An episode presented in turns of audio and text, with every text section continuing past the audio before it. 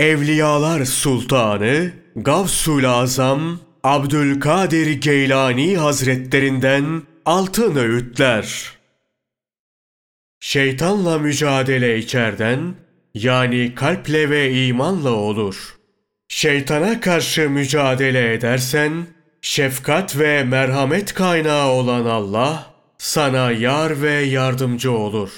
İyi ve kötü hiçbir davranışı karşılıksız bırakmayan Allah senin en büyük dayanağın olur.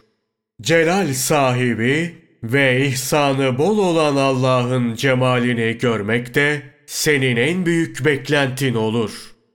Kafirlerle mücadele ise dışarıdan yani kılıç ve mızrakla olur. Bu mücadelede de Allah ve melekleri sana yar ve yardımcı, cennete girme düşüncesi ise bir ümit olur. Kafirlerle mücadele ederken öldürülürsen, sonsuzluk yurdunda ebedi kalma mükafatını elde edersin. Şeytanla mücadele ederken ecelinle ölürsen, alemlerin Rabbine kavuştuğunda onun cemalini seyretmekle ödüllendirilirsin. Bir kafir tarafından öldürülürsen şehit olursun. Şeytana uyup telkinlerinin esiri olarak ölürsen intikamı pek büyük olan Allah'ın huzurundan kovulursun.